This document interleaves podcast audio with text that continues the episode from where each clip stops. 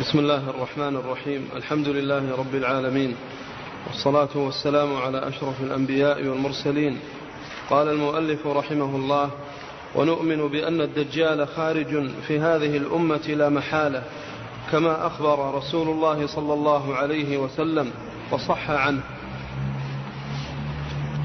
وأن عيسى ابن مريم عليه السلام ينزل على المنارة البيضاء شرقي دمشق فيأتيه وقد حصر المسلمون على عق على وقد عقبة. حصر المسلمون على عقبة أفيق فيهرب منه فيقتله عند باب لد الشرقي ولد من أرض فلسطين بالقرب من الرملة على نحو ميلين منها. بسم الله الرحمن الرحيم.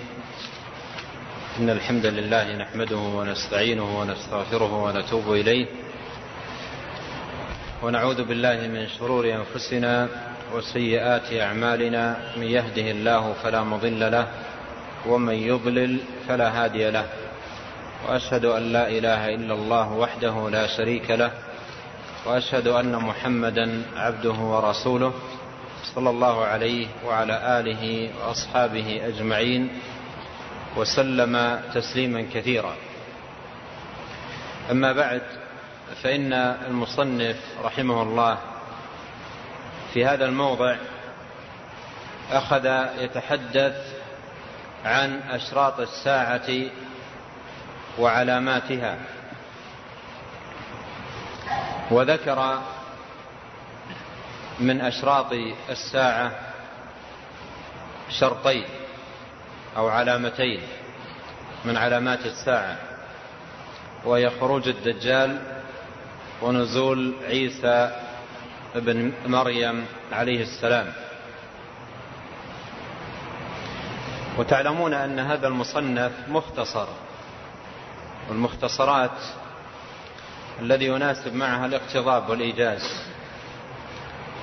وأشراط الساعة الكلام فيها كثير وعدها يطول ولهذا ناسب في مثل هذا المختصر أن تذكر أو يذكر بعض أشراط الساعة تنبيها بها على ما سواها ودلالة بها على غيرها.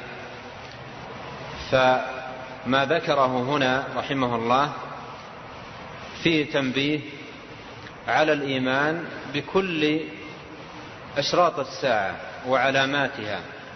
التي دل عليه كتاب الله وسنة نبيه صلى الله عليه وسلم. لأنها كلها تشترك في أنها أمور تأتي بين يدي الساعة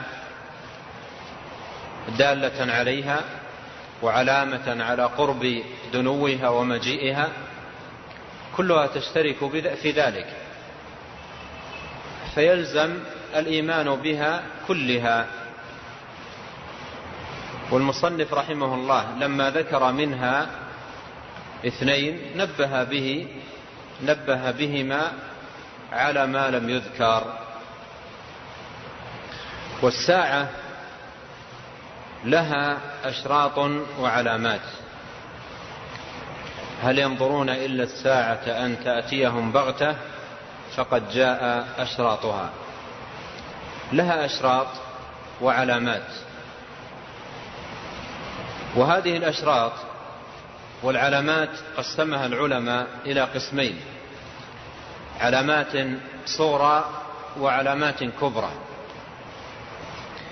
والعلامات الصغرى هي التي تسبق مجيء الساعة بزمن وتكون في الغالب من جنس أمور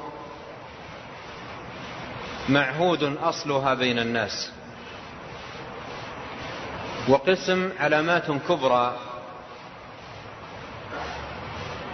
وهي الأمور التي تأتي عند دنو الساعة وقرب مجيئها. وهي أمور عجيبة وغريبة تظهر آخر الزمان وفيها إيذان بخراب العالم وانتهائه وقرب قيام الساعة وانقضاء الدنيا. ويقسم أهل العلم أشراط الساعة تقسيما آخر. يقسمونها إلى ثلاثة أقسام. قسم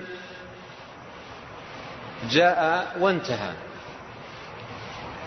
وقسم لا يزال يعني ظهر ويظهر منه علامات. وقسم لم يأتي بعد. وقسم لم يأتي بعد. والمصنف رحمه الله اكتفى هنا بذكر علامتين من علامات الساعة الكبرى أو علامات الساعة العظام وهو أو وهما خروج الدجال ونزول عيسى. ومن العلامات العظام طلوع الشمس من مغربها وخروج ياجوج ومأجوج والدخان والدخان والدابة. فهذه كلها علامات عظام. ومن شأن هذه العلامات العظام أنها إذا خرج علامة منها تتابعت بقية العلامات كنظم الخرز إذا انقطع تتوالى وتأتي تلو بعض. ومن شأنها كذلك أنها إذا ظهرت لا ينفع الإيمان. لا ينفع الإيمان لأنه إيمان شهادة. والإيمان النافع هو, هو إيمان الغيب.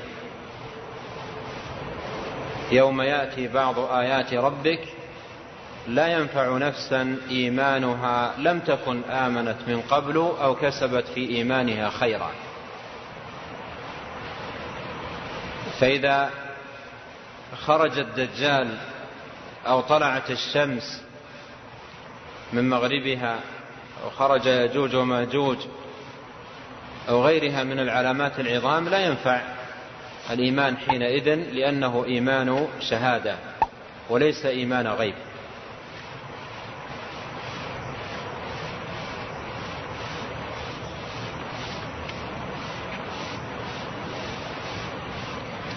آه، يقول المصنف رحمه الله ونؤمن بأن الدجال خارج في هذه الأمة لا محالة.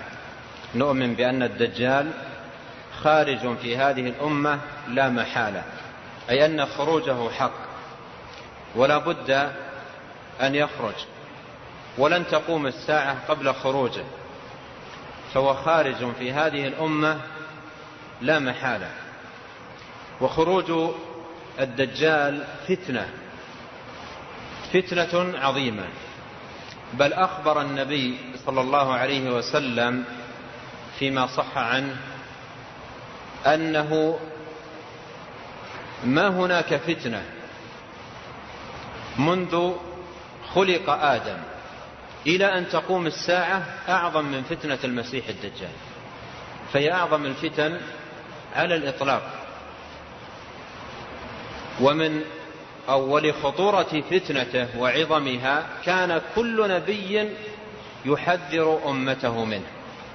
ما بعث الله من نبي إلا وأنذر قومه من فتنة المسيح الدجال. فتنة عظيمة.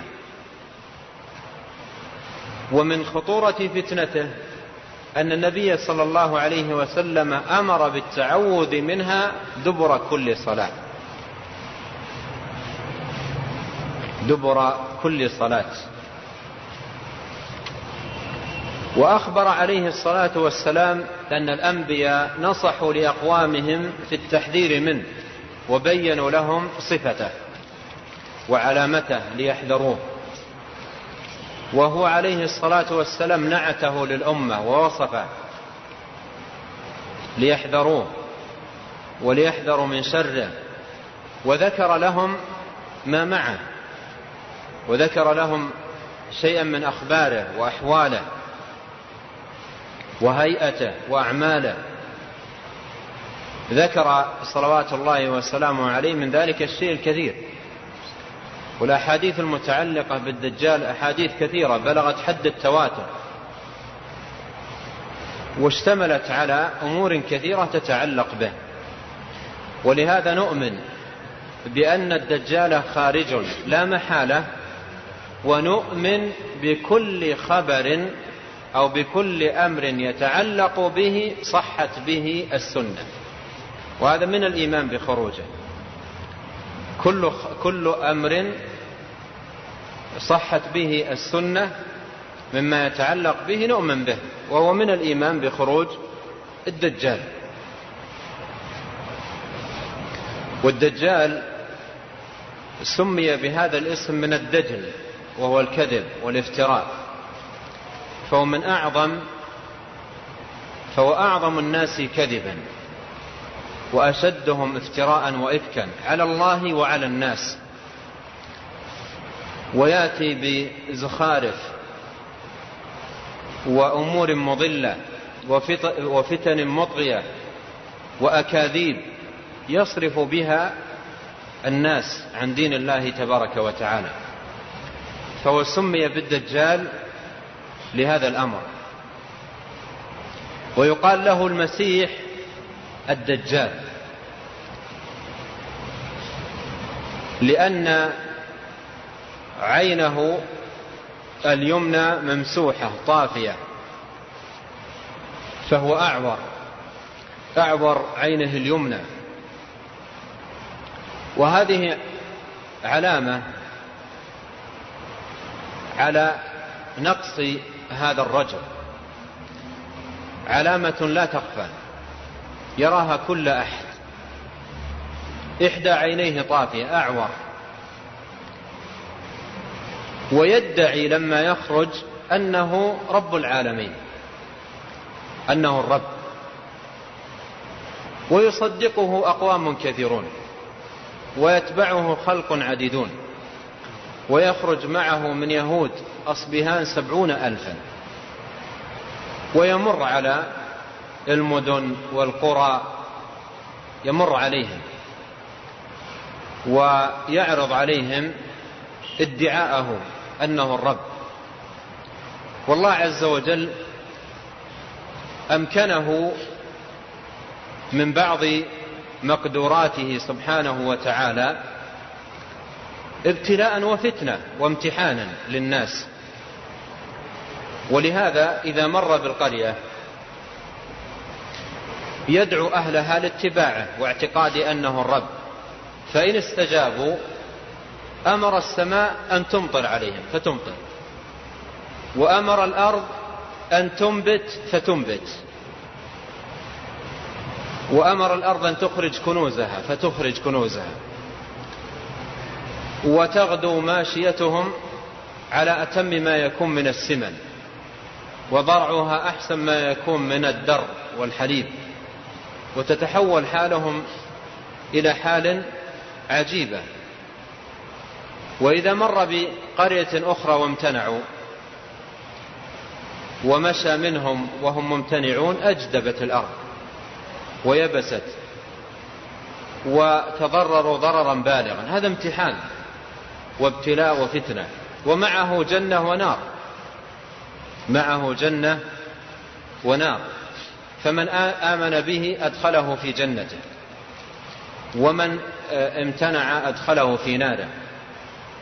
وقد وجه النبي عليه الصلاة والسلام من ابتلي به أن يدخل النار فإنها تكون له جنة. ويحصل عند خروجه فتن. عظيمة وبلاء عظيم وشر مستطير. ويتأذى منه عباد الله يتأذى منه عباد الله المؤمنون ومن شره. ويمكث في الناس لما يخرج أربعين يوما. يمكث فيهم أربعين يوما. وأخبر النبي عليه الصلاة والسلام أن اليوم الأول من أيامه كسنة. يوم كسنة. أي أن الشمس لما تطلع تستمر يعني إلى الغروب مدة سنة كاملة 360 يوما مرور الشمس. فتمر ببطء فيكون يوم واحد كسنة كثلاثمائة وستين يوما يوم واحد. حتى إن الصحابة وانظروا حرصهم على الخير. لما أخبرهم بهذا الخبر ما اتجهوا إلى أي أمر آخر وإنما همهم الدين والعبادة والطاعة. قالوا يا رسول الله كيف نصلي؟ إذا كان يوم كسنة. أهم ما عندهم الصلاة. أهم ما عندهم الصلاة. يمكن غيرهم يقول كيف ننام؟ 360 سنة شمس كيف ننام؟ لكن انظروا هم الصحابة آه، كيف نصلي؟ قال اقدروا له اقدروا له. يعني في هذه في هذا اليوم يصلى مقدار ما يصلى في 360 يوما وهو يوم واحد. فيقدر له يعني يحسب الناس أوقات الصلوات. ويوم كشهر. ويوم كأسبوع وبقية أيامه كأيامكم. وبقية أيامه كأيامكم. وأخبر عليه الصلاة والسلام أن شابا من أهل الإيمان يلقاه يلقى الدجال. فيدعوه للإيمان به فيقول ذلك الشاب أشهد أنك المسيح الدجال.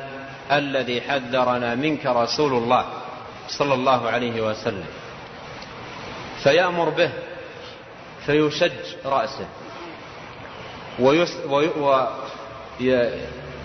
ويبطح على الأرض ويجلد على بطنه وعلى ظهره أشد ما يكون من الضرب.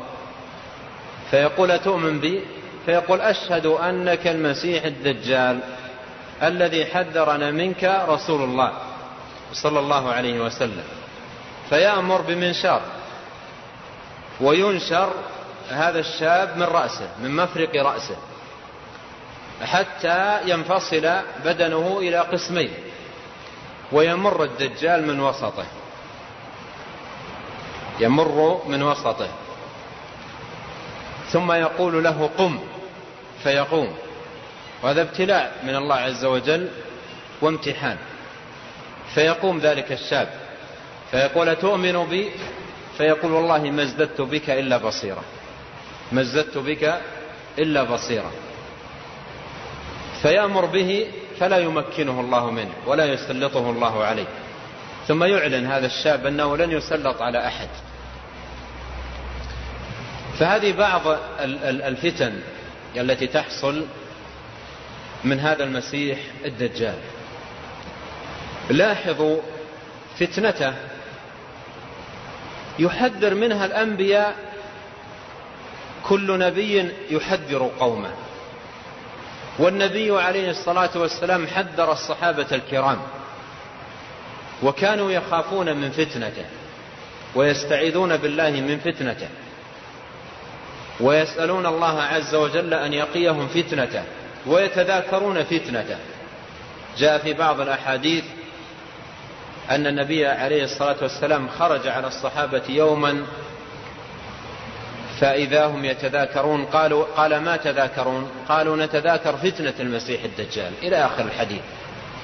فكانوا يتذاكرون فتنته ويحذر بعضهم بعضا من فتنته. ويستعيذ المؤمنون من فتنته في كل صلاة. ولهذا ينبغي أن يحذر الإنسان من هذه الفتنة وأن يتقيها وأن يتقي أسبابها. وهذا جانب لا بد أن ننتبه له أن يتقي أسباب هذه الفتنة. ولهذا صح في الحديث أن النبي صلى الله عليه وسلم قال من سمع بالدجال فلينأ عنه. من سمع بالدجال فلينأ عنه يعني ليبتعد ولا يقترب. ليكن بعيدا عنه حذرا من الاقتراب منه. من سمع بالدجال فلينأ عنه. جرت عادة الناس أن فيهم أو في كثير منهم التطفل وحب الاستطلاع ومعرفة الأمور ما أن يسمعوا بشيء غريب حتى يجتمعوا عليه اجتماعا عجيبا ويتزاحموا. حب حب الاستطلاع ورؤية الأمور. حتى لو كان فيه منكر فيه باطل فيه محرم يعني يذهب لينظر ويشاهد. ولهذا يقول العوام الناس دجال. العوام يقولون الناس دجال. إيش معنى ذلك؟ يعني مجرد ما يسمعون شيء يركضون وراءه. أي خبر؟ تجد تزاحم. حتى لو كان تزاحمهم يضر ويؤذي ما يبالون. الآن أحيانا يحصل حوادث في بعض الطرق العالم كلها تقف وتجتمع بدون فائدة فقط للنظر. يأتي يعني رجال الإنقاذ أو رجال الإسعاف لتخليصه أو لكذا ما يستطيعون من هؤلاء. فهذا يعني موجود في الناس. هنا لاحظ التنبيه. من سمع بالدجال فلينأ عنه. العلماء يقولون فتنة الدجال كما أنها فتنة شخص فهي أيضا فتنة جنس. كما أنها فتنة شخص فهي فتنة جنس. ذاك دجال أكبر ولكن لا لا تخلو الأمة من دجاجلة. ذاك دجال أكبر ولا تخلو الأمة من دجاجلة يفترون ويزوقون وينمقون ويبهرجون. ومع ذلك ينطلي الدجل على الجهال وعلى العوام وعلى قليل العلم وضعف الإيمان ينطلي عليهم. فما يبالون يذهبون ويركضون وراء الدجاجلة ويتزاحمون عليها. فكما أنها فتنة شخص يعني كما أن الناس مأمورون بالابتعاد عن ذاك الدجال الأكبر وعن الافتتان به فكذلك الناس مأمورون بالابتعاد عن كل دجال وكل مفتر وكل متخرص ومن يقول البهتان مأمورون الناس بالبعد عنه. والبعد عن دجله وافتراءه لاحظوا شيء لعلكم تنبهتم له أن الإنسان ينبغي أن يروض نفسه عن البعد عن الفتن وعدم الدخول فيها والبعد عن أهل الدجل وأهل الافتراء. إذا روض نفسه وعودها على ذلك يسلم بإذن الله ويحفظ. أما إذا كانت نفسه منفلتة ويتبع هواه ويركض وراء شهوته فهذا عليه خطر لو خرج الدجال لأنه ما ما يملك نفسه. إذا كان إذا كان لم يملك نفسه عند دجال صغير فكيف به عند الدجال الأكبر؟ إذا كان لم يملك نفسه عند دجال صغير ما عنده مثل ذاك الدجال. من الأمور الأمور التي تجر إلى الافتتان وتجر للباطل. فكيف به إذا خرج الدجال الأكبر؟ وهذا معنى قول, قول أهل العلم كما أنها فتنة شخص فهي فتنة جنس.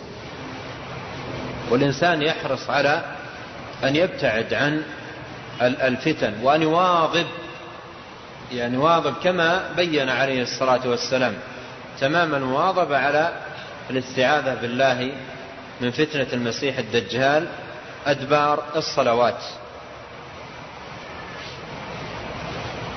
قال ونؤمن بأن الدجال خارج في هذه الأمة لا محالة كما أخبر بذلك رسول الله صلى الله عليه وسلم وصح عنه. ذكرت أن الدجال الأحاديث التي وردت فيه متواترة. وخروجه متفق عليه ومجمع عليه بين علماء الأمة. ولكن أنكره طائفة من ظلال المبتدعة أنكروا خروجه. ولا سيما أولئك الذين لا يؤمنون إلا بعقولهم. وبعضهم قالوا يخرج ولكن ليس المراد بالدجال شخص موصوف بتلك الصفات يخرج.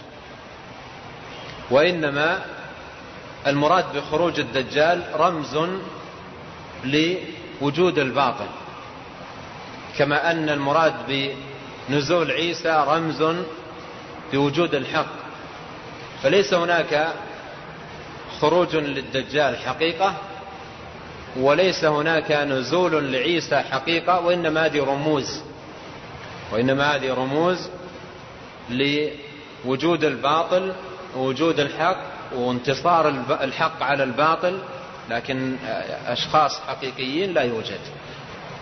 وممن فاه بذلك وتكلم به رجل يقال له محمد أبو عبية. وكتب في هذا كتاب وعلقها علقها تعليقات على كتاب الفتن والملاحم لابن كثير. ويسمى كتاب النهاية وكتاب عظيم. لابن, لابن كثير كتاب سماه البداية والنهاية. وهذا تكلم فيه عن التاريخ. وله كتاب آخر في مجلدين نهاية البداية.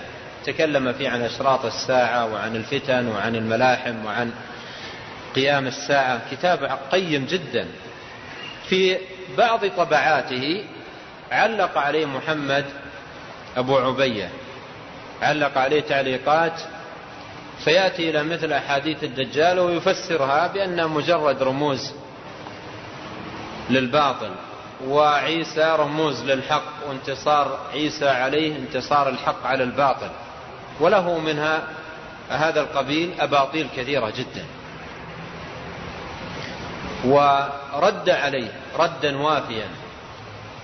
وتوسع ووفى في الرد عليه الشيخ محمود التويجر رحمه الله في كتاب له مطبوع في ثلاثة مجلدات أسماه إتحاف الجماعة. توسع فيه في الكلام على أشراط الساعة والفتن والملاحم وتناول بالرد على هذا الرجل. ومما يتعلق بالدجال مما دلت عليه السنة أن بين عينيه مكتوب كافر. بين عينيه مكتوب كافر كاف فاء راء. ويقرأها كل مسلم كاتبا أو غير كاتب. كل مسلم كاتبا أو غير كاتب قارئا أو غير قارئ يقرأها. يقرأ هذه الكتابة على جبينة بين عينيه كافر. وفيه تلك العلامة أعور عينه اليمنى. أعور عينه اليمنى. والعور نقص. العور نقص. وهو يدعي أنه رب. وعلامة نقصه في وجهه. علامة نقصه في وجهه. ولهذا لاحظ حديث النبي صلى الله عليه وسلم. قال إنه أعور وإن ربكم ليس بأعور. إنه أعور وإن ربكم ليس بأعور. إنه أعور. أي إحدى عينيه طافئة فكيف يصدق أنه رب؟ كيف يصدق أنه رب؟ وفيه هذه العلامة. يعني لو كان فيه من معاني الربوبية لما كان فيه النقص. لما كان فيه هذا النقص ولما كان فيه هذه العلامة. ومع ذلك يصدق. يصدق بسبب الدجل الذي الذي معه. وإن ربكم ليس بأعور.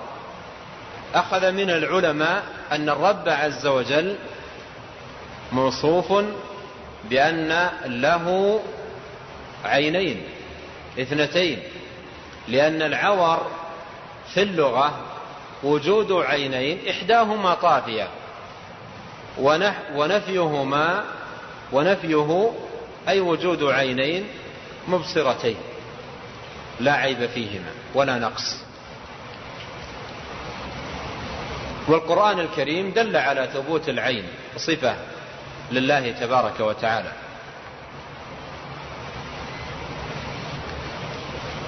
لما انتهى رحمه الله من الكلام عن المسيح الدجال انتقل للكلام على عيسى نزول عيسى عليه السلام. الدجال يقول عنه العلماء مسيح الضلالة. وعيسى عليه السلام مسيح الهداية. فالمؤلف رحمه الله لما أنهى الكلام على مسيح الضلالة أخذ يتكلم عن مسيح الهداية.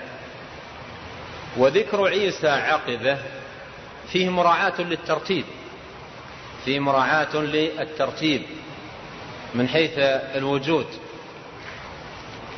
فعيسى ينزل بعد خروجه ويكون قتله على يده على يد عيسى عليه السلام. يكون قتله على يد عيسى عليه السلام. الدجال سمي مسيحا. كما قدمنا لأن إحدى عينيه ممسوحة. وعيسى سمي مسيحا قيل لأنه إذا مسح على المريض يبرأ بإذن الله. قيل لأنه إذا مسح على المريض يبرأ بإذن الله. وقيل أقوال أخرى. قال وأن عيسى ابن مريم عليه السلام ينزل على المنارة البيضاء. عيسى بن مريم عليه السلام رسول. رسول أرسله الله. وهو آخر, وهو آخر الرسل قبل محمد. وليس بينه وبين محمد صلى الله عليه وسلم رسول.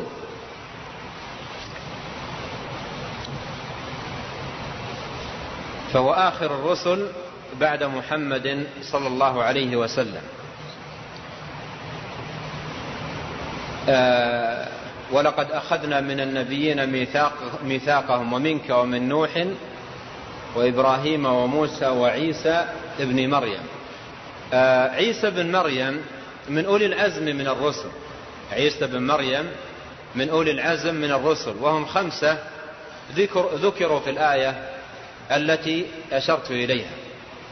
وذكروا في قوله تعالى شرع لكم من الدين ما وصى به نوحا وما وصينا به إبراهيم وما أوحينا إليك وما وصينا به إبراهيم وموسى وعيسى بن مريم.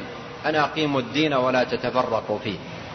فهؤلاء أولو العزم من الرسل منهم عيسى عليه السلام. وعيسى عليه السلام اختلف فيه الناس اختلافا عجيبا. اليهود ادعوا في عيسى عليه السلام أنه ابن بغي. اليهود ادعوا في عيسى عليه السلام أنه ابن بغي يعني ابن ابن زنا. والله عز وجل كذبهم وبين افتراءهم في ذلك في القرآن الكريم ولم أك بغيا والنصارى ادعوا أنه ابن الله. والنصارى ادعوا أنه ابن الله.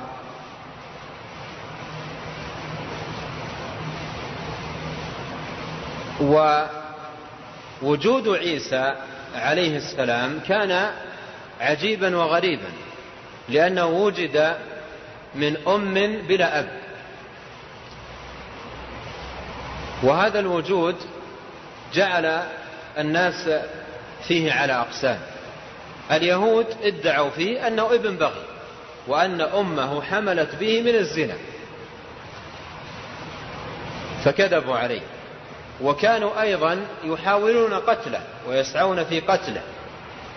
والنصارى يدعون أنه ابن الله. يدعون أنه ابن الله وأنه جزء من الله. ادعوا فيه ذلك. والقول الحق فيه أنه عبد الله ورسوله وكلمته ألقاها إلى مريم وروح منه. هذا القول الحق فيه. فهو عبد لله عز وجل وهو من بني آدم وقد ولد من أم بلا أب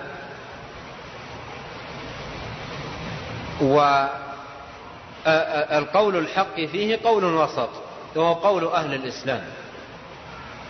حاول اليهود قتله حاول اليهود قتله ودخلوا عليه في في بيت لقتله. فرفعه الله عز وجل إليه رفعه إلى السماء حقيقة بروحه وجسده حيا. ورفع تاما وشبه عليه. برجل بقي مكانه فقتلوه وظنوا أنه قت أنهم قتلوا عيسى بن مريم. وما قتلوه. ولكن شبه لهم. رفع إلى السماء وهو في السماء. باق حي يرزق في السماء. إلى أن يأذن الله عز وجل بنزوله آخر الزمان. وهذا يؤمن به أهل الإيمان. والقرآن الكريم دل على ذلك ودل على نزوله والسنة كذلك دلت على نزوله. يقول الله تعالى وإن من أهل الكتاب إلا ليؤمنن به قبل موته. قبل موته أي يوم القيامة لأنه يموت في آخر الزمان لما ينزل. والسنة دلت على أنه ينزل ونزوله يكون بعد خروج الدجال. وهو عليه السلام ينزل كما ذكر المصنف على المنارة البيضاء شرقي دمشق ينزل من السماء. على المنارة البيضاء شرقي دمشق واضعا يديه على جناحي ملك. على جناحي ملك يضع يديه على جناحي ملك وينزل من السماء على المنارة. وذكر في صفته أنه إذا طأطأ رأسه قطر قطر منه الماء. وإذا رفعه تحادر منه الجمان. وذكر له صفات. فينزل عليه السلام ويطلب الدجال لقتله. يطلب الدجال لقتله. قال المصنف فيأتيه وقد حصر المسلمون على عقبة أفيق. يأتيه وقد حصر المسلمون على عقبة أفيق بفتح الهمزة وكسر الفاء. على عقبة أفيق آه، وهي بلدة قريبة من دمشق. هذا الذي أشار إليه المصنف وهو أنه يأتيه وقد حصر وقد حصر المسلمون على عقبة أفيق. جاء في حديث عثمان بن أبي العاص في مسند الإمام أحمد في سياق طويل ولكن إسناده فيه ضعف.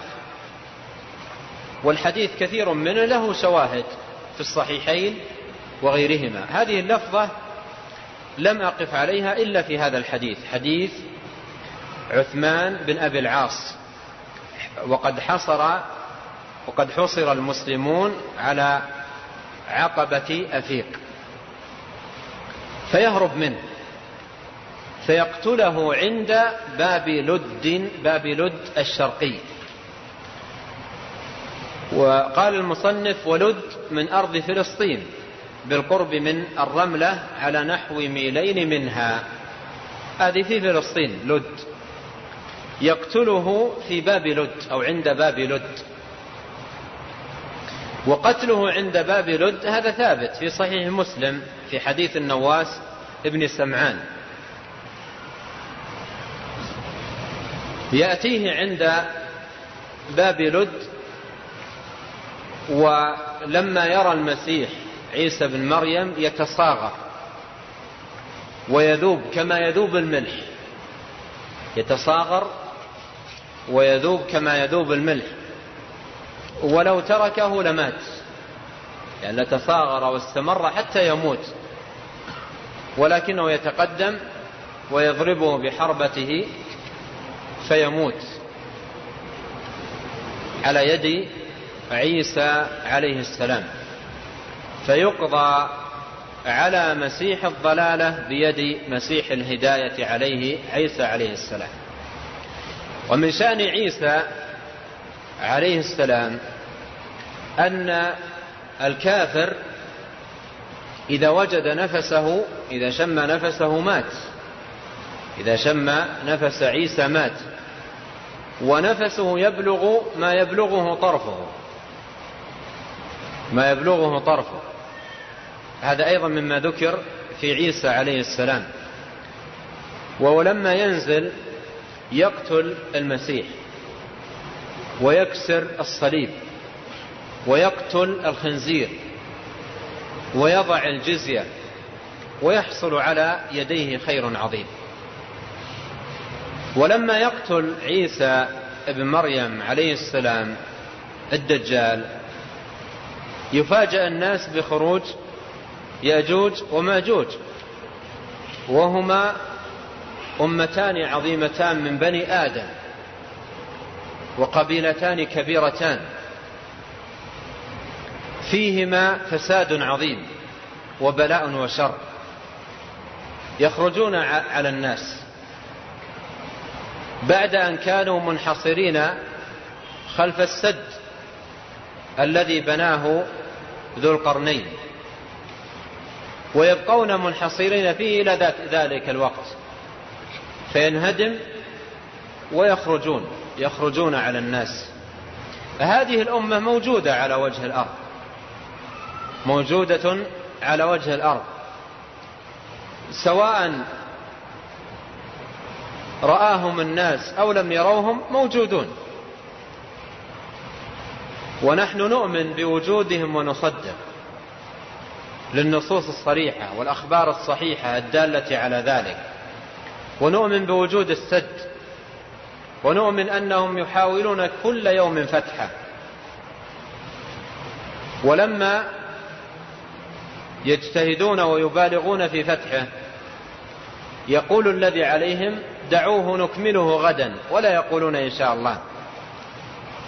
فلما يأذن الله عز وجل بفتحه يقول قائمهم قولوا إن شاء الله فيقولون إن شاء الله فيبقى كما كان لكنه في المرات الأول يرجعون إليه وقد عاد كما كان ويحاولون فتحه من جديد.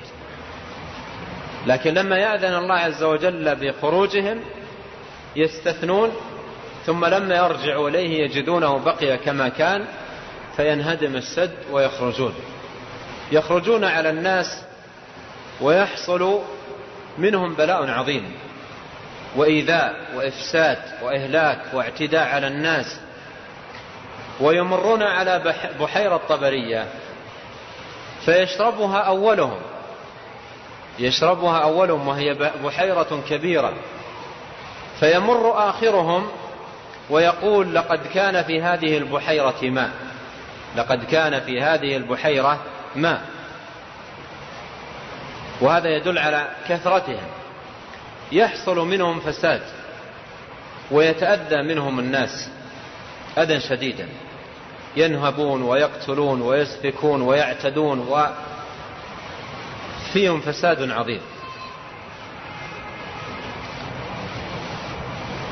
آه، أيضا انتهاء هؤلاء انتهاء انتهاء هؤلاء يكون بإذن الله عز وجل حيث يرغب عيسى نبي الله ومن معه إلى الله عز وجل أن يخلص الناس من شرهم. أن يخلص الناس من شرهم. فيرسل الله عز وجل عليهم دابة صغيرة تسمى النغف. يسلطها على كل واحد منهم فتكون في أقفائهم في قفا كل واحد. فيقتلون ويصبحون صرعى كموت نفس واحدة. لما تأتيهم هذه الحشرة الصغيرة. يموتون جميعا كموت نفس واحدة. ثم تتأدى الأرض. من نتنهم وجيفتهم وعفنهم فيرسل الله عز وجل طيورا تحملهم إلى حيث يشاء الله عز وجل. آه هذه كلها من من أشراط الساعة من أشراط الساعة. وقراءة أشراط الساعة مفيدة للمسلم منافعة له لأنها تحرك في قلبه الإيمان وخوف الله والحذر من الفتن والإقبال على الله عز وجل وعلى طاعته ويحصل فيها نفع عظيم. والإيمان بها الإيمان بأشراط الساعة هو من الإيمان باليوم الآخر. الإيمان بأشراط الساعة هو من الإيمان باليوم الآخر لأنها علامات له ودلالات عليه. فالإيمان بها من الإيمان باليوم الآخر. قال فيهرب منه فيقتله عند باب لد الشرقي ولد من أرض فلسطين بالقرب من الرملة على نحو ميلين منها. نعم.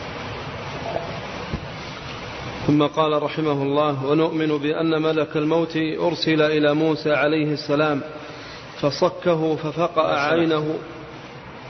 آه، فيما يتعلق بوجود ياجوج وماجوج بعض الناس يقولون الآن الأرض اكتشفت الأرض اكتشفت والوسائل الحديثة اكتشف فيها كل شيء فما يرى سد ولا يرى هؤلاء. فأين هم؟ وربما اتخذ بعض الناس ذلك ذريعة للإنكار فيؤمن بما يستنتج بالوسائل الحديثة ولا يؤمن بالأحاديث الصحيحة يؤمن بما يستنتج بالوسائل الحديثة ولا يؤمن بالأحاديث الصحيحة وهذا بلاء هذا بلاء والمؤمن يؤمن بأخبار الرسول عليه الصلاة والسلام ويصدق ويؤمن بأن الله عز وجل قادر على كل شيء. قادر سبحانه وتعالى أن يعجز الناس على الوقوف على أماكنهم وإدراك أماكنهم وأين هم. وهكذا الشأن بالنسبة للدجال. موجود لكن الله عز وجل أعجز الناس عن ذلك. وإذا أراد المسلم عبرة في هذا الباب فليقرأ قصة بني إسرائيل. قصة بني إسرائيل عندما قضى الله عز وجل عليهم بأن يتيهوا في الأرض أربعين سنة. عندما قضى سبحانه وتعالى عليهم أن يتيهوا في الأرض أربعين سنة يتيهون في الأرض أربعين سنة. أين كان التيه؟ أين كان تيه بني إسرائيل؟ هؤلاء تاهوا أربعين سنة في سيناء. سيناء ما هي؟ لما تنظر إلى الخريطة. منطقة صغيرة جدا. يعني هي المنطقة أو الزاوية التي تأتي في رأس البحر الأحمر. فهي منطقة صغيرة جدا ضاعوا فيها أربعين سنة. أربعين سنة يعني آه، لولا أن الله عز وجل أعمى يعني قلوبهم وصرفهم عن الاهتداء وإلا في تلك, في تلك المنطقة ما يضيع الإنسان هذه المدة الطويلة. لو أن الإنسان ضاع فيها ما, ما يعني ما ما يضيع فيها هذه المدة لأنها صغيرة جدا. وأربعين سنة طويلة. لو اتجهوا لاتجاه واحد إلى جهة ثم جربوا اتجاه آخر إلى يكفيهم أقل من شهر. لكن الله عز وجل صرفهم وأعمى قلوبهم. فتاهوا في تلك المنطقة يحورون ويكورون في تلك المنطقة أربعين سنة. فلله الأمر من قبل ومن بعد. والله عز وجل قادر على كل شيء. وما كان الله ليعجزه من شيء في السماوات ولا في الأرض. فلا يليق بالمسلم أن يشك في الأخبار أو أن يتوقف فيها أو يظن فيها الظنون بناء على آه، أقاويل الكفار أو النظريات أو المكتشفات الحديثة أو نحو ذلك. والله عز وجل قادر على كل شيء. ولهذا نؤمن بوجودهم ونؤمن بوجود السد وكون الناس لم يروهم ولم يكتشفوا أماكنهم هذا صرف من الله عز وجل للناس عن ذلك.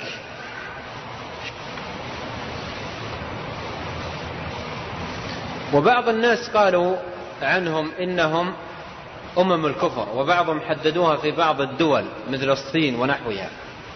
لكن القول بأنهم يعني الصين أو دول الشرق هذا محل نظر. لأن إذا عرض على النصوص فالنصوص تأبى ذلك. ولا سيما الأدلة الدالة على أنهم منحازون وراء السد. وأنهم إذا خرجوا شربوا بحيرة طبرية وحصل وحصل. فبعضهم يعني قال إنهم هؤلاء وقول الله تعالى من كل حدب ينسلون حملوه على أنهم جاءوا بالطائرات وبالسيارات ففي تكلف. والذي يظهر الله تعالى أعلم أن أنهم موجودون وأمرهم يعني آه، أمر مكانهم موجودهم هذا خفي على الناس. والله عز وجل قادر سبحانه وتعالى على كل شيء فقدرته جل وعلا شملت كل شيء. نعم. ثم قال رحمه الله ونؤمن بأن ملك الموت أرسل إلى موسى عليه السلام فصكه ففقأ عينه كما صح عن رسول الله صلى الله عليه وسلم لا ينكره إلا ضال مبتدع راد على الله ورسوله. ونؤمن بأن الموت يؤتى به يوم آه، القيامة ثم قال المصنف رحمه الله ونؤمن بأن ملك الموت أرسل إلى موسى عليه السلام فصكه ففقأ عينه. ملك الموت أي الذي وكله الله عز وجل بقبض الأرواح أرواح بني آدم. قال الله تعالى قل يتوفاكم ملك الموت الذي وكل بكم. وملك الموت يكون معه أعوان ولم يأتي دليل صريح على آه، اسمه. والقول بأنه عزرائيل هذا ليس عليه دليل جاء في بعض الآثار وفي بعض الإسرائيليات لكن لم يأتي في حديث صحيح فيما أعلم.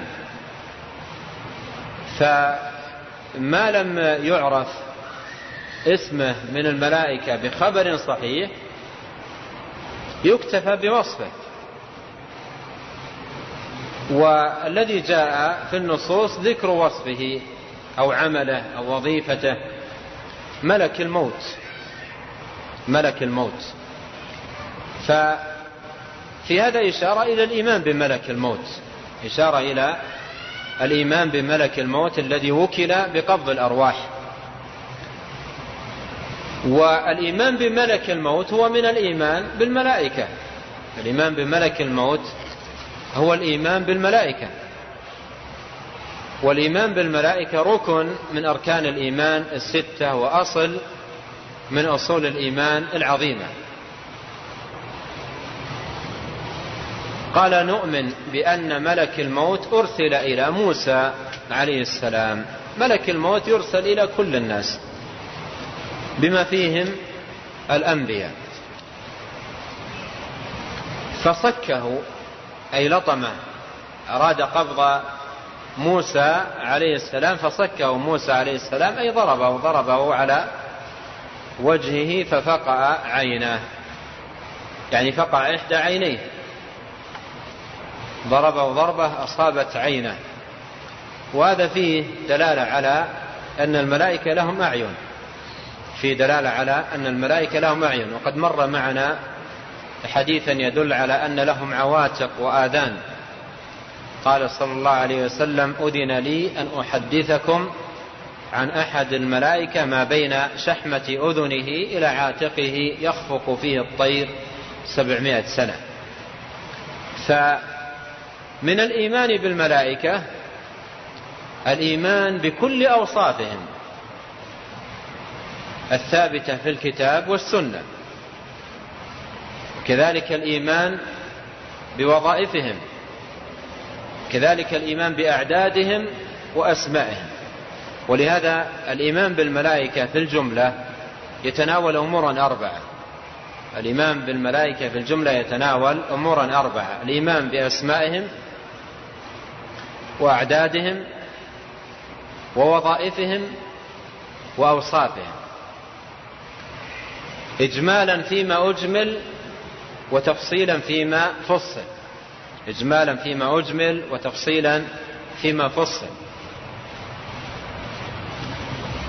أه وأوضح هذا قليلا. أولا الأسماء. أسماء الملائكة نؤمن بالأسماء المجملة التي تتناول الملائكة عموما مثل الملائكة. ورسل الله وجند الله ونحو ذلك من الأسماء. ونؤمن بالأسماء المفصلة لآحاد وأفراد الملائكة. مر معنا منكر ونكير ومر و و وأيضا جبريل وإسرافيل ومالك. هذه أسماء جاءت على وجه التفصيل لأعيان وأفراد من الملائكة فنؤمن بهذه الأسماء التفصيلية.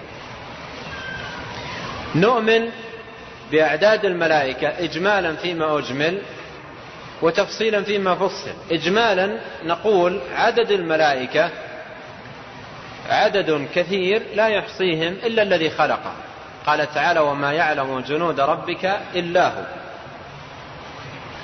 ومر معنا ما يدل على كثرة عدد الملائكة عندما عرج بالنبي عليه الصلاة والسلام إلى السماء ورفع إليه البيت المعمور وقيل له هذا البيت المعمور يدخله في كل يوم سبعون ألف ملك ثم لا يعودون. يعني من دخله من الملائكة يدخله مرة واحدة. ما يعود مرة ثانية. ثم لا يعودون. وهذا مستمر يوميا. هذا يدلنا على كثرة عدد الملائكة. وفي الحديث الآخر يقول عليه الصلاة والسلام أطت السماء وحق لها أن تأط ما فيها موضع شبر إلا وفيه ملك ساجد لله. فهذا يدلنا على كثرة عدد الملائكة. في الوقت نفسه نؤمن بالأعداد التفصيلية للملائكة. مما ثبت في الكتاب مما ثبت في الكتاب أو السنة. من ذلك قول الله تعالى عليها تسعة عشر. وهؤلاء رؤوس آه، الملائكة في, آه، في الذين هم خزنة جهنم. ويرأس الجميع مالك. فنؤمن بهذا العدد. ونؤمن بالعدد الذي في قوله تعالى ويحمل عرش ربك فوقهم يومئذ ثمانية نؤمن بهذا العدد. ونؤمن بما جاء في قول النبي صلى الله عليه وسلم يؤتى بجهنم يومئذ ولها سبعون ألف زمام ومع كل زمام سبعون ألف ملك يجرونها. فهذا فيه عدد الملائكة الذين يجرون جهنم إلى أرض المحشر. عددهم سبعين ألف في سبعين ألف. عددهم سبعين ألف في سبعين هذه الأعداد نؤمن بها. نؤمن بأوصافهم. من حيث الجملة نقول خلقوا من نور ولهم أجنحة. ونحو ذلك من الصفات التي تشمل الملائكة. ونؤمن بصفاتهم التفصيلية التي وردت. ومن ذلك الحديث الذي أشرت إليه سالفا أذن لي أن أحدثكم عن أحد الملائكة إلى آخره. ونؤمن بوظائفهم. في الجملة نقول هم جند لله ورسل لله ولا يعصون الله ما أمرهم ويفعلون ما يؤمرون. ونؤمن بوظائفهم التفصيلية. ملك الموت من ينزل بالوحي من ينفخ في الصور كل الوظائف التفصيلية التي جاءت في القرآن أو السنة نؤمن بها. ومن من, من وظائف الملائكة هذه الوظيفة قبض الأرواح. قبض الأرواح. فهذا كله يجب الإيمان, الإيمان به. والإيمان بالملائكة ركن من أركان الإيمان ومن الإيمان بالملائكة الإيمان بكل ما جاء عنهم آه، مما يتعلق بأسمائهم أو أعدادهم أو وظائفهم أو أوصافهم في كتاب الله أو سنة رسوله صلوات الله وسلامه عليه. ونؤمن بأن ملك الموت أرسل إلى موسى عليه السلام. موسى كما أشرت قبل قليل من أولي العزم من الرسل. فكان من موسى عليه السلام لما أتاه ملك الموت ليقبض روحه أن صكه ففقع عينه ففقع عينه. والحديث ثابت والمسلم شأنه مع الأحاديث الثابتة عن رسول الله صلى الله عليه وسلم أن يتلقاها بالقبول والتصديق. لا يعترض ولا ينتقد وإنما يتلقى خبر النبي عليه الصلاة والسلام بالقبول والتصديق. قد يقول قائل أو قد يقول بعض الناس هنا لماذا فقع عيناه؟ لماذا فقع عينه لما جاء ليقبض روحه؟ نقول قائل هذه الكلمة إما أنه يطرح هذا السؤال منتقدا ومعترضا. ينتقد ويعترض. لماذا موسى يفقع عين ملك الموت لما جاء لقبض روحه؟ وهل هذا يجوز وهل يأتي بأشياء على وجه الاعتراض؟ فإن كان سؤاله من هذا القبيل فهو سؤال محرم وباطل ولا يجوز. وهو دخول من هذا السائل فيما لا يعنيه. وفي الحديث يقول صلى الله عليه وسلم من حسن إسلام المرء تركه ما لا يعنيه. فإن كان سؤاله من هذا القبيل فهو سؤال باطل. أما إن كان من باب التعرف على الحكم أو بيان الأسباب أو الاعتذار أو نحو ذلك من المقاصد الصحيحة فلا بأس بذلك. وبعض أهل العلم تلمسوا في هذا أشياء ذكروها ولكن علمنا لماذا أو لم نعلم فالإنسان ليس له أن ينتقد أو يكذب أو يعترض. ولهذا لاحظ تقرير المصنف رحمه الله في هذا المعتقد. قال نؤمن بأنه أرسل إلى موسى فصكه ففقع عينه كما صح عن رسول الله عليه الصلاة والسلام. يعني طالما أنه صح وثبت في الحديث انتهى الأمر.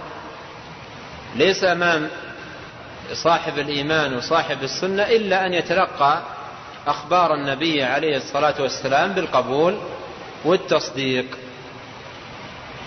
كما صح عن رسول الله صلى الله عليه وسلم لا ينكره إلا ضال مبتدع راد على الله ورسوله. وهذا شأن الراد.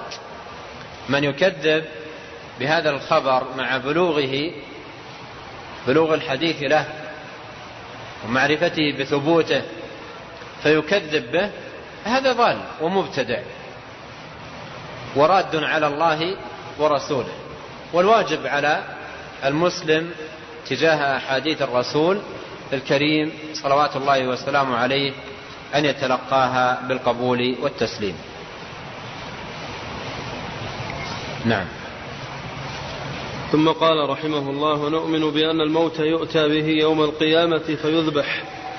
كما روى أبو سعيد الخدري رضي الله عنه قال قال رسول الله صلى الله عليه وسلم يؤتى بالموت كهيئة كبش أملح فينادي مناد يا أهل الجنة فيشرئبون وينظرون فيقول هل تعرفون هذا؟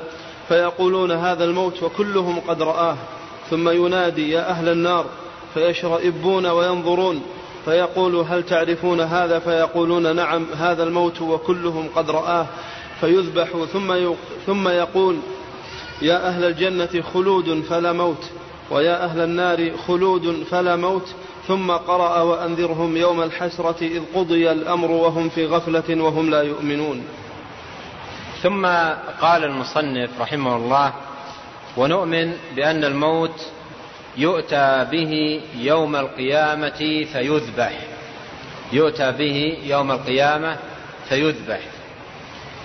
وهذا هذا حق ثبت به الدليل الصحيح الثابت عن رسول الله صلى الله عليه وسلم. ذلك أن الناس يوم القيامة لما يدخل أهل الجنة الجنة وأهل النار النار. ويبقى في الجنة أهلها الذين هم خالدون فيها ويبقى في النار أهلها الذين هم خالدون فيها. في ذلك الوقت يؤتى بالموت على هيئة كبش أملح. الكبش معروف. والأملح هو الأبيض الذي يخالطه السواد. فيؤتى بالموت على هذه الهيئة. والله عز وجل قادر على كل شيء. قادر على كل شيء. قادر على أن يقلب الأعراض أجسام والأجسام أعراض. وقدرته سبحانه وتعالى شاملة لكل شيء. ولا يعجزه تبارك وتعالى شيء. ولهذا لا يقول كيف يؤتى به؟ ونحن نعلم أن الموت عرض. كيف يؤتى به على هذه الهيئة؟ لا يقول ذلك إلا ضال منحرف. فالله عز وجل قادر على كل شيء. فنحن نؤمن بأن الموت يؤتى به يوم القيامة على هذه الهيئة كهيئة كبش أملح لما يؤتى به ينادى أهل الجنة يا أهل الجنة فيشرئبون يعني يمدون أعناقهم ويتطلعون. وأهل الجنة لما ينادون ينادون لماذا؟ للزيادة في النعيم والإكرام. وهم يعرفون أن أي نداء ليس وراءه إلا ماذا؟ إنعام وإكرام وعطاء وفضل. فيتطلعون يتطلعون إلى مزيد فضل ومزيد إكرام ومزيد إنعام. ثم ينادى أهل النار يا أهل النار. فيشربون يتطلعون. ويظنون أن هناك خروج من النار وفكاك من هذا العذاب يتطلعون لذلك. ثم يذبح هذا الكبش الذي هو الموت بين الجنة والنار. يذبح بين الجنة والنار. وأهل الجنة يرونه وأهل النار يرونه. ويقال لأهل الجنة يا أهل الجنة خلود فلا موت. ويا أهل النار خلود فلا موت. فيبقى أهل الجنة في الجنة خالدين فيها أبد الآبدين ويبقى أهل النار. نسأل الله عز وجل العافية والسلامة. خالدين فيها أبد الآبدين. والله تبارك وتعالى يقول والذين كفروا لهم نار جهنم لا يقضى عليهم فيموتوا ولا يخفف عنهم من عذابها. كذلك نجزي كل كفور وهم يصطرخون فيها. ربنا أخرجنا نعمل أخرجنا منها نعمل صالحا غير الذي كنا نعمل. أولم نعمركم؟ يعني في الدنيا.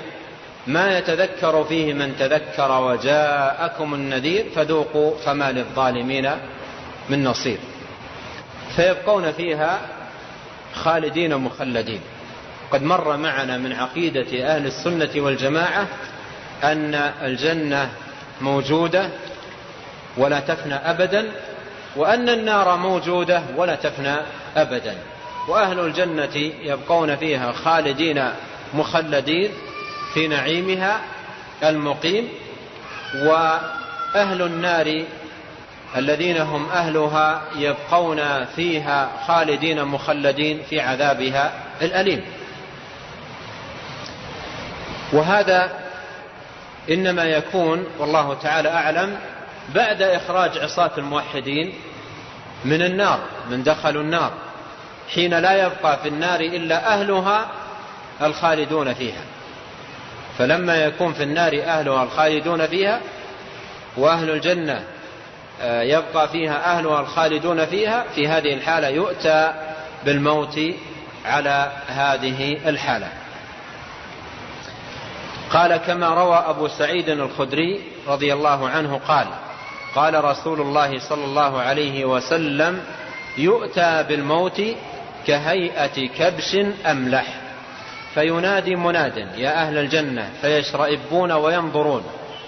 فيقول هل تعرفون هذا؟ فيقولون هذا الموت. يعرفونه. فيقولون هذا الموت. وكلهم قد رآه. ما معنى كلهم قد رآه؟ لأن كل واحد منهم مات وعاين الموت ورأى الموت. فكلهم قد رأى أهل الجنة رأوا الموت وأهل النار رأوا الموت. فيقولون هذا الموت لأنه يعرفونه. لكل واحد منهم معه موقف عصيب أو موقف عجيب. فكلهم يعرفونه وكلهم قد رأوا الموت. فلما يسأل أهل الجنة تعرفون؟ يقول نعم هذا الموت. وكلهم قد رآه.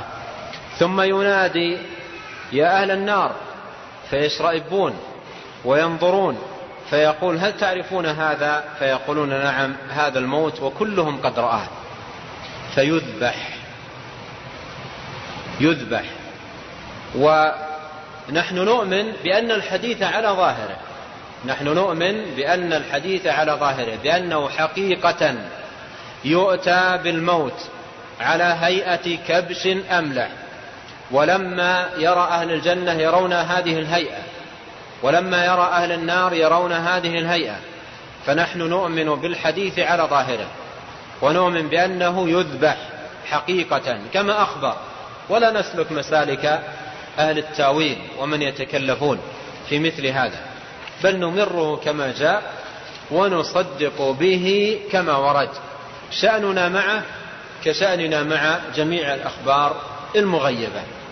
نمرها كما جاءت ونصدق بها كما وردت. ولا نتكلم. الصحابة رضي الله عنهم لما سمعوا هذا الحديث ما أحد منهم تكلم. وكذلك التابعون. وإنما وجد التكلف والتأويل عند من بعدهم. ممن انتشرت فيهم البدع وعمت فيهم الأهواء. فنحن نمره كما جاء ونؤمن به كما ورد. قال فيذبح ثم يقول يا أهل الجنة خلود فلا موت ويا أهل النار خلود فلا موت. ثم قرأ وأنذرهم يوم الحسرة. الحسرة هنا على من؟ أهل النار. أهل النار. يتقطعون حسرة وأسفا وندما ولكن لا ينفع الندم حينئذ نسأل الله عز وجل لنا ولكم جميعا العافية والسلامة وأن يجيرنا وإياكم من النار. نسأل الله أن يجيرنا من النار. قال وأنذرهم يوم الحسرة إذ قضي الأمر وهم في غفلة وهم لا يؤمنون. اقرأ الهامش قال الترمذي كلام جميل. قال الترمذي رحمه الله عقب هذا الحديث قد رواه في سنن الحديث في الصحيحين والمؤلف على قاعدته إذا كان الحديث متفق عليه لا يذكر من خرجه نعم. قال الترمذي رحمه الله والمذهب في هذا عند أهل العلم من الأئمة مثل سفيان الثوري ومالك بن أنس وابن المبارك وابن عيينة ووكيع وغيرهم أنهم رووا هذه الأشياء ثم قالوا نروي هذه الأحاديث ونؤمن بها ولا يقال كيف. وهذا الذي اختاره أهل الحديث أن تروى هذه الأشياء كما جاءت ويؤمن بها أو ويؤمن ويؤمن بها ولا تفسر ولا نتوهم. ولا نتوهم ولا يقال كيف وهذا أمر أهل العلم الذي اختاروه وذهبوا إليه. هذه جادة للسلف رحمهم الله وطريقهم وهو نهج مبارك مضوا عليه في جميع الأخبار المغيبة. يمرون الخبر كما جاء ولا يتوهمون ولا يكيفون لا يحاولون معرفة أو قياس الخبر المغيب مما يكون يوم القيامة بمداركهم وعقولهم وأقيستهم وآرائهم. بل يؤمنون به كما جاء ويصدقون به كما ورد ويقولون هو حق كما أخبر به رسول الله صلى الله عليه وسلم. وقول الترمذي رحمه الله ولا نفسرها عن السلف لا نفسرها المراد بالتفسير المنفي هنا التفسير الباطل تفسير أهل البدع الذي هو تكلف وتنطع وحمل للنص على غير معناه وإبعاد له عن دلالته. فهذا ليس من شأن السلف وليس مسلكهم فهم لا يفسرون التفسيرات الباطلة. أما بيان معناه على ضوء دلالة اللغة ومعرفة مراده فهذا لا إشكال فيه. فالمعاني معروفة ومفهومة ونحن مخاطبون هنا بكلام مفهوم معروف المعنى. فالتفسير المنفي هنا التفسير الباطل. ومثل هذه العبارة تأتي عند السلف في الصفات مثل ما جاء عن أبي عبيد القاسم بن سلام كذلك ما جاء عن محمد بن الحسن صاحب أبي حنيفة لما ذكر أحاديث الصفات قال لا تفسر. وقالوا لا نفسرها يعني أحاديث الصفات. مرادهم بقولهم لا نفسرها كما قال شيخ الإسلام بن تيمية في الحموية أي لا نفسرها تفسيرات الجهمية. يعني لا نفسرها التفسيرات المبتدعة تفسيرات أهل الباطل تفسيرات أهل الضلال. ليس المراد بقول لا نفسرها أي نفوض معناها فليس تفويض المعنى من شأن السلف وإنما هذا من شأن مسالك بعض المبتدع المتأخرين. فالسلف لا يفوضون المعاني بل يؤمنون بالمعاني ويصدقون بها ويمرونها كما جاءت. وإمرارها كما جاءت يكون بإثبات معناها لأنها جاءت محملة بالمعاني فلا يمكن أن تمر كما جاءت إلا إذا أثبت معناها المعروف على ضوء لغة العرب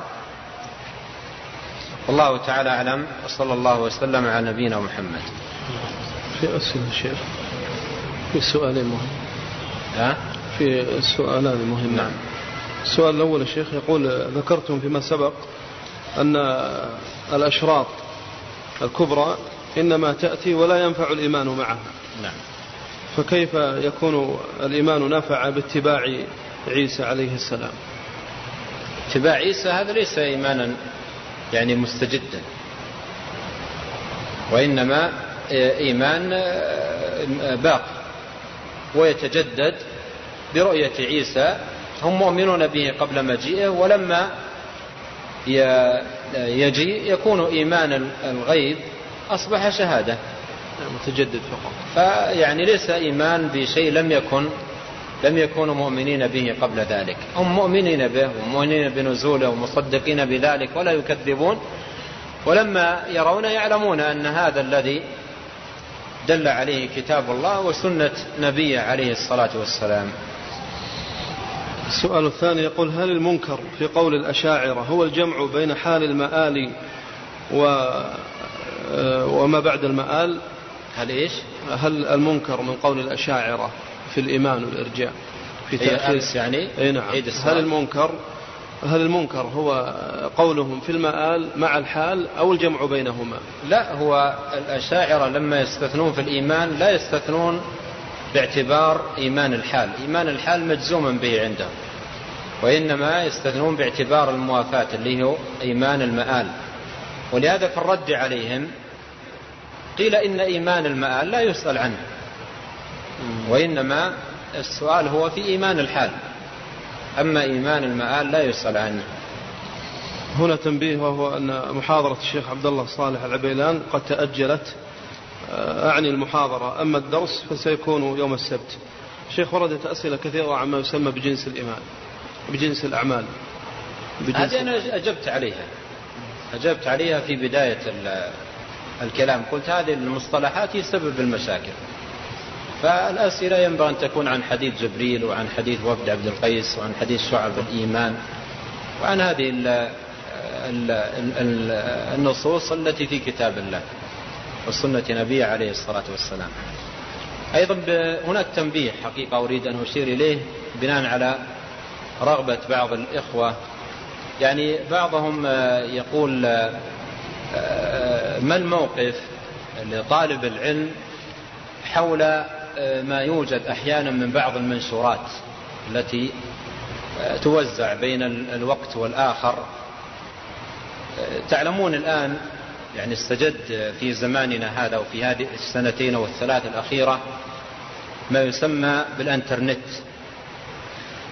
والإنترنت هذا أصبح يعني باب شر واسع وأصبح باب يعني لمن بنفسه مرض أو حب للظلم أو التجني أو الاعتداء على الآخرين. آه، انفتح أمامه الباب.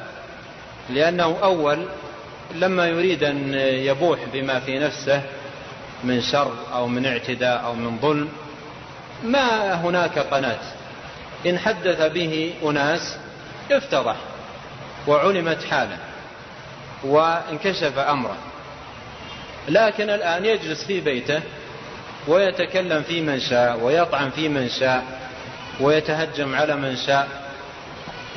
وكلامه يصل الدنيا كلها في دقيقة واحدة ويدخل كل بيت فيه هذا الجهاز. فأصبح النكرات والمجاهيل والساقطين من الناس ومن فيهم حب البغي والغيبة والظلم والاستهزاء من فيهم مثل هذه الأمراض الفتاكة وجدوا متنفسا واسعا. لهم لبث ما لديهم من شر وفساد. ليس بغريب هذا يعني ليس بغريب أن يبث صاحب الشر شره وفساده من خلال هذه القناة التي يستطيع من خلالها أن يبث ما عنده بدون أن يعلم. هذا ليس بغريب. لكن أنا حديثي عن أهل الحق وأهل الفضل وأهل الخير. ينبغي أن يربأوا بأسماعهم وأن يبتعدوا بعقولهم وقلوبهم عن النظر إلى هؤلاء وعن قراءة كتاباتهم وعن سماع أقوالهم. لأن هؤلاء مجاهيل ونكرات ولا يعرفون فمثل هؤلاء لا يستمع إليهم. وأنا أرى أنه لا يجوز من الإثم أن يستمع لهؤلاء. الله جل وعلا قال في القرآن يا أيها الذين آمنوا إن جاءكم فاسق بنبأ فتبين هذا الذي يكتب في مثل هذه القنوات ما يعرف منه ما يعرف منه ولا تعرف حاله. لا يعرف عينه فضلا عن أن تعرف حاله.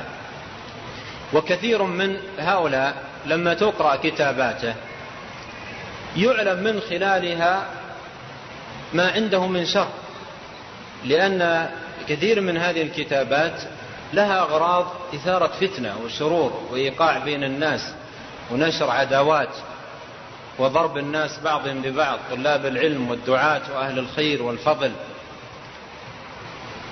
فمثل هؤلاء لا يجوز أن أن تنشر لهم ورقة أو ينظر لهم في كتابة أو يستمع لهم لحديث.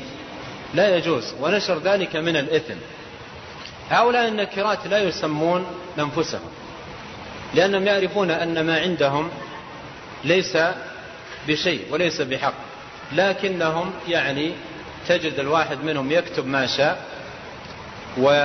ويتقول ما شاء ثم يضع اسما آه، يعني آه، آه، ماذا نقول اسما مستعارا. مثل يقول أبو عبد الله الأثري أو يقول كذا يعطي اسم مستعار ما يدرى منه فمثل هؤلاء أنا أرى أنه يحرم أن يستمع إليهم أو أن ينظر في كتاباتهم أو أن يصدق ما يقولون أو ينشرونه بين الناس لا يصدق بشيء من ذلك. ومن صدقهم تعاون معهم على نشر الإثم ونشر العدوان. ونحن نتوجه إلى الله عز وجل بأسماء الحسنى أن يهدي ضال المسلمين وأن يردهم إلى الحق ردا جميلا وأن يبصرنا جميعا بالهدى وأن يجعلنا من عباده المتقين وأن يعيذنا وإياكم من الفتن كلها ما ظهر منها وما بطن. إنه تبارك وتعالى سميع مجيب. صلى الله وسلم على نبينا محمد.